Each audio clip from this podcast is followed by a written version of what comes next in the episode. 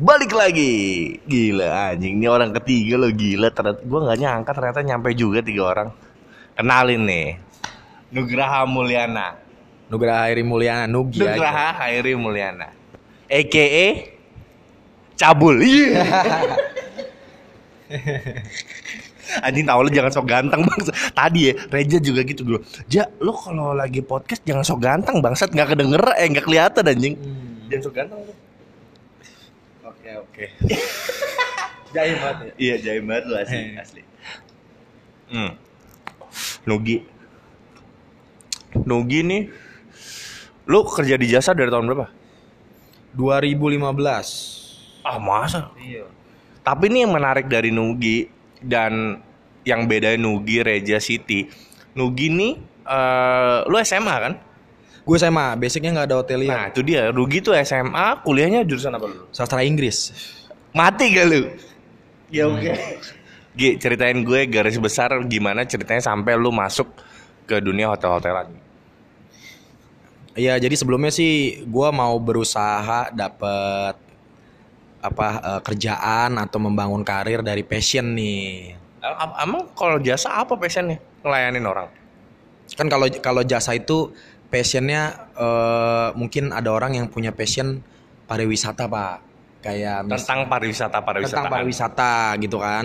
Terus Mungkin eh, mereka lebih suka dealing sama banyak orang, kenal banyak kenal orang baru, oh, guest contact lah ya. guys kontak ya. Terus At customer oriented. customer oriented. Oke, terus Nah, bukan toket oriented.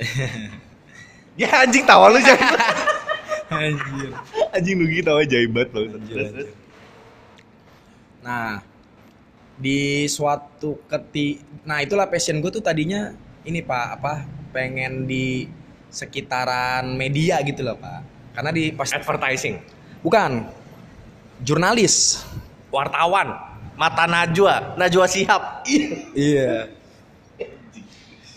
Ta- eh, tapi kalau gua nggak salah, lu punya eh, keluarga yang eh, memang backgroundnya hotel. Iya. Bokap ya? Iya, hotelier DNA gue dari bokap sih. Bokap. Oke. Terus terus. Nah, Lanjut. jadi pada saat itu pada saat kuliah itu sekitar sisa dua semester lagi eh, butuh uang buat biaya Gugurin? Iya. Iya ampun. Gugurin dosa-dosa, Pak. Iya, mulia sekali. Namanya. Iya, lanjut. Mulyana, Mulyana. boleh, boleh, boleh, benar benar benar. Nah, harus terjun, harus cari kerja lah pokoknya. Cari Harus duit kerja lah, cari duit. lah kasarnya. Terus terus. Akhirnya bokap punya link ke suat salah satu hotel di daerah Kemang. Anjir dari tiga orang gue wawancara semuanya hampir start dari link. Reja ke Dubai dari link tantenya. Siti link dari eh, tempat dia training. Lu dari bokap. Dari bokap. Oke, terus terus. Di situ lah ya banyak ininya sih banyak survei ternyata hotel tuh eh, nggak semudah itu ya pak ya. Asli. Mm-mm. Banyak lah yang bikin kaget. Salah satunya nih ya hotel itu yang pasti itu eh susah sih ngomongnya. Ada senioritas lah, sikut-sikutan. ya. Ya, ya. Emang semua tempat kerja ada Ya, sih. betul. Semua tempat kerja. Cuman kalau ini tuh hidden dan soft. Kalau sikut-sikutan di hotel itu. Setuju. Gak kelihatan lagi ngejatoin sebenarnya ngejatoin. Iya, jadi sekalinya ketahuan itu eh, kayak sekali apa eh, kita nggak sadar gitu, nggak sadar lagi ditusuk-tusukin gitu. Eh tapi sebelum gue lebih jauh, se- eh, pekerjaan pertama lu tuh memang hotel, Oh, eh, yang berkontrak ya maksud gue. oh iya iya. iya. Hotel. Tapi itu hotel nggak langsung kontrak, daily worker. Di, oh, oke. Dari DW. Pekerja harian. Iya. DW itu kayak part time gitu ya. Iya, yang dibayar harian. Waktu itu 80.000 ribu sehari. Nice. 2000? 2015. Anjir 2015 sama 1000 fight juga sih. Iya. Tapi sebulan berapa ha- hari masuk? sebulan oh, itu waktu itu eh, enam hari kerja satu hari libur. Berarti kalau kali 4 24 ya. 24 terus sekitar 2 jutaan, 2 jutaan. Terus dia dapat fix service 300 ribu. Oh, jadi 2 jutaan terus tambah servis 300 ribu. Itu pro rate apa udah paten mati segitu? Segitu. Mati. Hotel rame Sepi segitu. sepi segitu. Struggle banget dong. struggle soalnya sehari kerja dan eh, apa porsi kerjanya sama sama yang lain Ya, ya itu sih emang kadang jadi dilema. Tapi ya nama gimana kita butuh ya. kita butuh waktu itu Tapi buat lo yang nggak punya background hotel, terus tahu-tahu masuk ke hotel, lo posisi pertama lo apa? Telepon operator Berarti udah di front office area lah ya. udah udah di Evo itu sih Gimana? Gimana? orang-orang bilang eh, lakinya di situ Kenapa lakinya? karena nggak punya background Mhm. tapi bisa masuk FO langsung Iya memang. Gue pun dulu SMK pun yang udah punya basic, gue start di inian housekeeping. iya or, or at least FNB lah Iya FNB betul. lah FNB lah Lu Tapi langsung? langsung FO Oke. tanpa basic apa pun cuman belajar product knowledge terus istilah-istilah hotel itu kan banyak kan Pak. Iya. itu yang Itu iya, iya, betul yang susah, yang common, susah betul, ya. betul, betul. dan kan gue juga belajar bahasa Inggris sastra Inggris Hmm. gitu ya bahasa Inggris umum sama bahasa Inggris hotel tuh beda Kalau yang lu pelajarin? kayak contohnya ap- apa sih yang kayak turn down gitu turn down service Eh, kalau generalnya apa sih turn down itu Ya, tapi kalau istilah hotel tuh itu ya apa ya treatment yang sore itu? Iya. terus afternoon tea apa teh sore apa Oke, oke. Gitu Jadi bisa. dia istilah ya. ya? Iya iya banyaklah hal-hal yang ya itulah eh, banyak-banyak apa sering waktu itu dapat miss di situ. Oh, karena perspektif lo dari sastra Inggris nih berbeda sama ecol yang dimaksud. Iya jadi gue awalnya pakai common English gitu. Oh, common English Iya. namanya. Oke, gue baru tahu common English. Oke. Terus terus terus. Terus ternyata beda kan? Beda banget. Iya nggak nggak apa sih mungkin itu idiom kali ya, idiom kali ya sebenarnya turn down, afternoon Iya, tea, sebenarnya idiom in hotel ya. Gue nggak tahu sih idiom itu apa. Idiom itu ini eh apa sih namanya? Kalau di Indonesia, kalau di Indonesia-nya apa? Kayak apa? Kayak apa? Oke misalnya, misalnya kayak gini nih, kayak misalnya apa ya? eh, kalau di bahasa Inggris nih kayak gini nih, blue sky, blue sky. Kalau misalnya kita mau, kalau kita mau bilang langit biru gitu, kalau Aha. umumnya. Oke. Nah tapi kalau misalnya ini yang dia pakai idiom jatuhnya jadi kayak langit yang cerah. Oh, oke. Ngerti gue, ngerti. Oke. Nah itu tuh yang terjadi Oke, tuh di oke. hotel begitu tuh. Oke. Jadi nggak makna secara harafiahnya gitu ya. Hmm. Anjing, berasa pinter gue ngomong. Terus lu menurut lu dari lu mulai telepon operator sampai dari mulai awal masuk sampai lu kira-kira oke gua kayaknya bisa nih settle nih kerja di operator tuh berapa lama lu? Itu satu tahun sih. Pas pas ini sih batu loncatan tuh pas akhirnya gue bener-bener dikontrak. Oh itu tolak ukur menurut lu oke gua berarti dimasukkan kategori capable. Iya dan eh, waktu itu sih kan juga waktu itu lumayan lama tuh pak. Daily worker tuh 6 bulan pak. Oh berarti enam bulan Dewi Walker baru habis itu Baru kontrak. Baru dikontrak. Oh cepet dong enam bulan. Oh, itu cepet ya. Cepet dong. Tapi ya, ngerasainnya beda pak. Ya. Oh, Pasti ngerasa mah lama pasti. iya lama pasti itu. Terus dari gue nyebutnya properti ya. Dari properti pertama lo itu dari mana sih? itu? Kemang. Bintang 4 itu. Oh iya? Wih gokil juga lu. Iya, makanya. masuk dari nggak punya background masuk bintang 4 di Evo lagi. Iya iya. Anjing gokil juga. Itulah pentingnya link. Link, yoi. Link bokep. link save you. Iya, waduh. Terus eh, dari properti pertama lu pindah properti. Sempet pindah kan lu? Lu Pindah, berapa- Di pindah. properti pertama berapa lama? Itu setahun. Oh, lu setahun. 6 bulan 6 bulan berarti. 6 bulan staff. Oh, 6 bulan dewe, 6 bulan staff. Iya, Dan semuanya dihabisin di telepon operator. Iya, tapi pada saat itu eh apa ya masih kecil juga sih gaji staff juga. Oh iya, kalau pas udah jadi kontrak sebulannya berapa? Take home pay ya bisa 4 4 jutaan lah. Wah gila sih. Tapi pada saat itu pada saat itu lumayan besar loh pak. Ya gede lah Iya, iya, pada saat 2015 4 juta. Oh gokil, single kan masih itu. Iya iya. Baru lulus hitungannya lah. Berarti 2016 dong lo selesai tuh. 2016. 2016 awal tuh baru mulai lagi di properti yang baru. Wah gila, gue 2016 baru kerja di properti pertama gue. Eh 2013 deh gue. 2013 duluan, pas dulu, pas 2013. duluan lu pak. Terus terus, dari properti pertama udah selesai Hmm. di telepon operator. Properti kedua langsung masuk apa ada jeda dulu? Oh itu langsung. Langsung karena link apa ngelamar? Itu ngelamar. Ngelamar. Ngelamar dari website juga ada website. Website. Website. Di gitu. posisi Eh, G service. Front Recep- reception ya, Iya, reception. reception, reception. Di mana tuh? Di ini di apa? Salah satu properti di Permata Hijau. Ini gue jauhin lu ngomong ngebisikin gue. Oh itu langsung di Iya, situ. iya. Oh oke. Nah itu lama tuh ya di situ ya. Ya sebenarnya chain chain hotel paling gue baru tiga lah, tiga tiga brand gue baru. Yang pertama itu, I mean tiga tiga grup. yang pertama itu Pertama grup itu, Ini? kedua grup ini sama itu Archipelago. kesabut juga saudara-saudara. Pelosan saya. gue nunggu itu dari tadi aja karena semua pasti keceplos.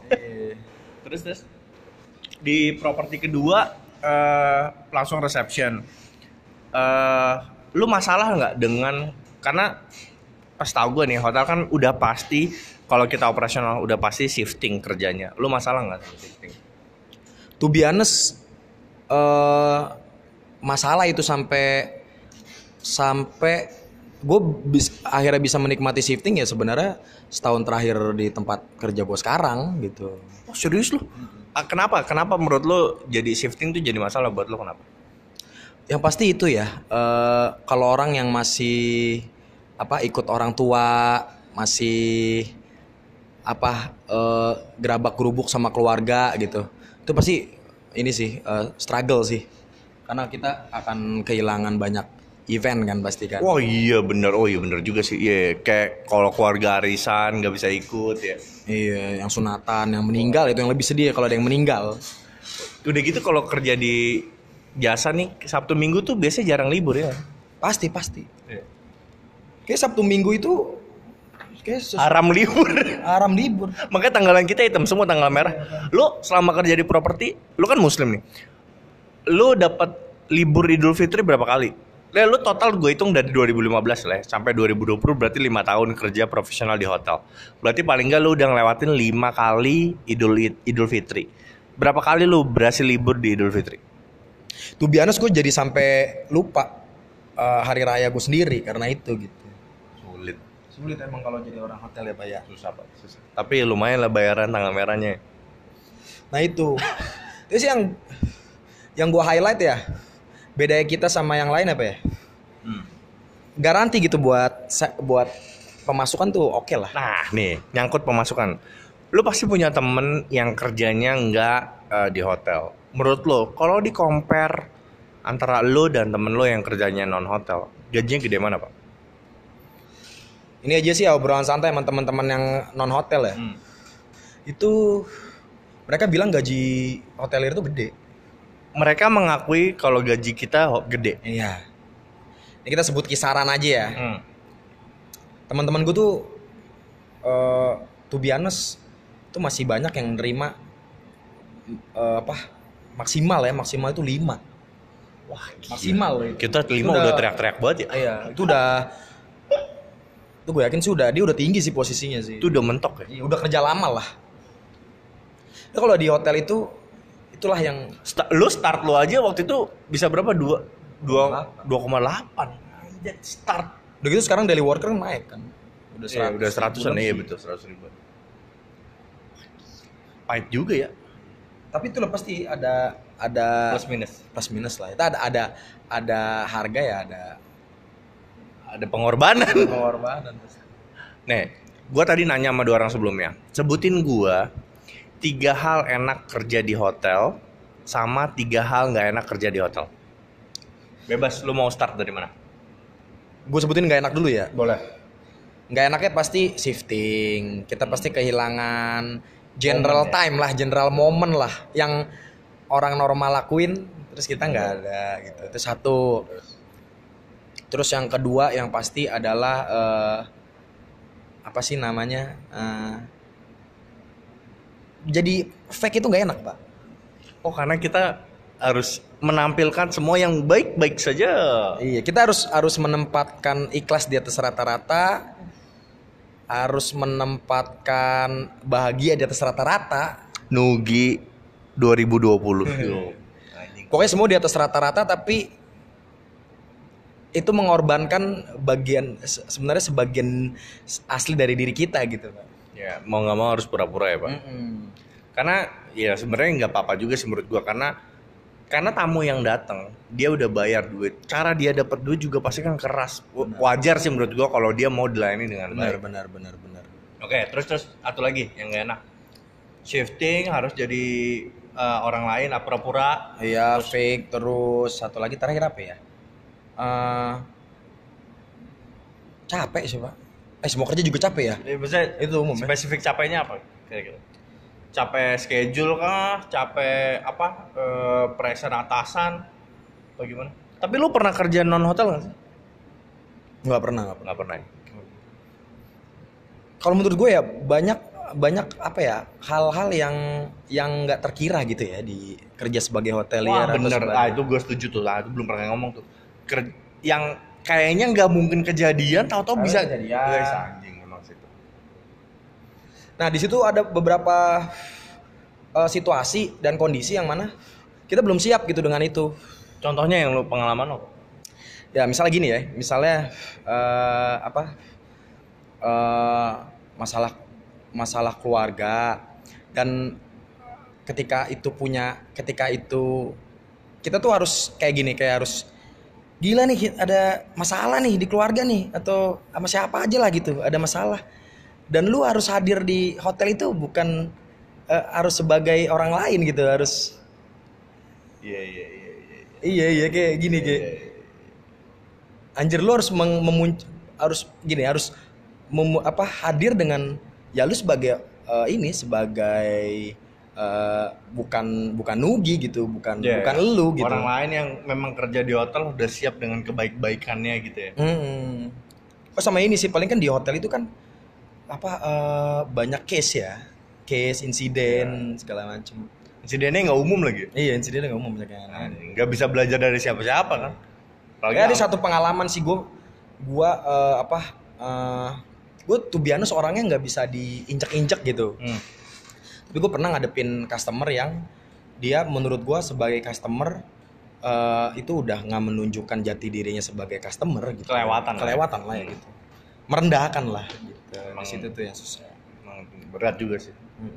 Kalau enaknya Kalau enak sih pasti salary ya. gaji bos. Terus kita nggak banyak lihat cewek cakep bisa booking pecu Anjir. fluktuatif sih maksud gua si- situasinya fluktuatif karena kita nggak bosen. Kita Oh nggak karena- boring. betul karena baru-baru terus ya entah, Baru-baru terus. entah kasusnya baru enaknya baru Mm-mm. tipnya baru ya Iya. terus ya Banyak orang-orang baru juga. Hmm. Tuh, tuh udah dua hal ya. Terus yang terakhir apa ya?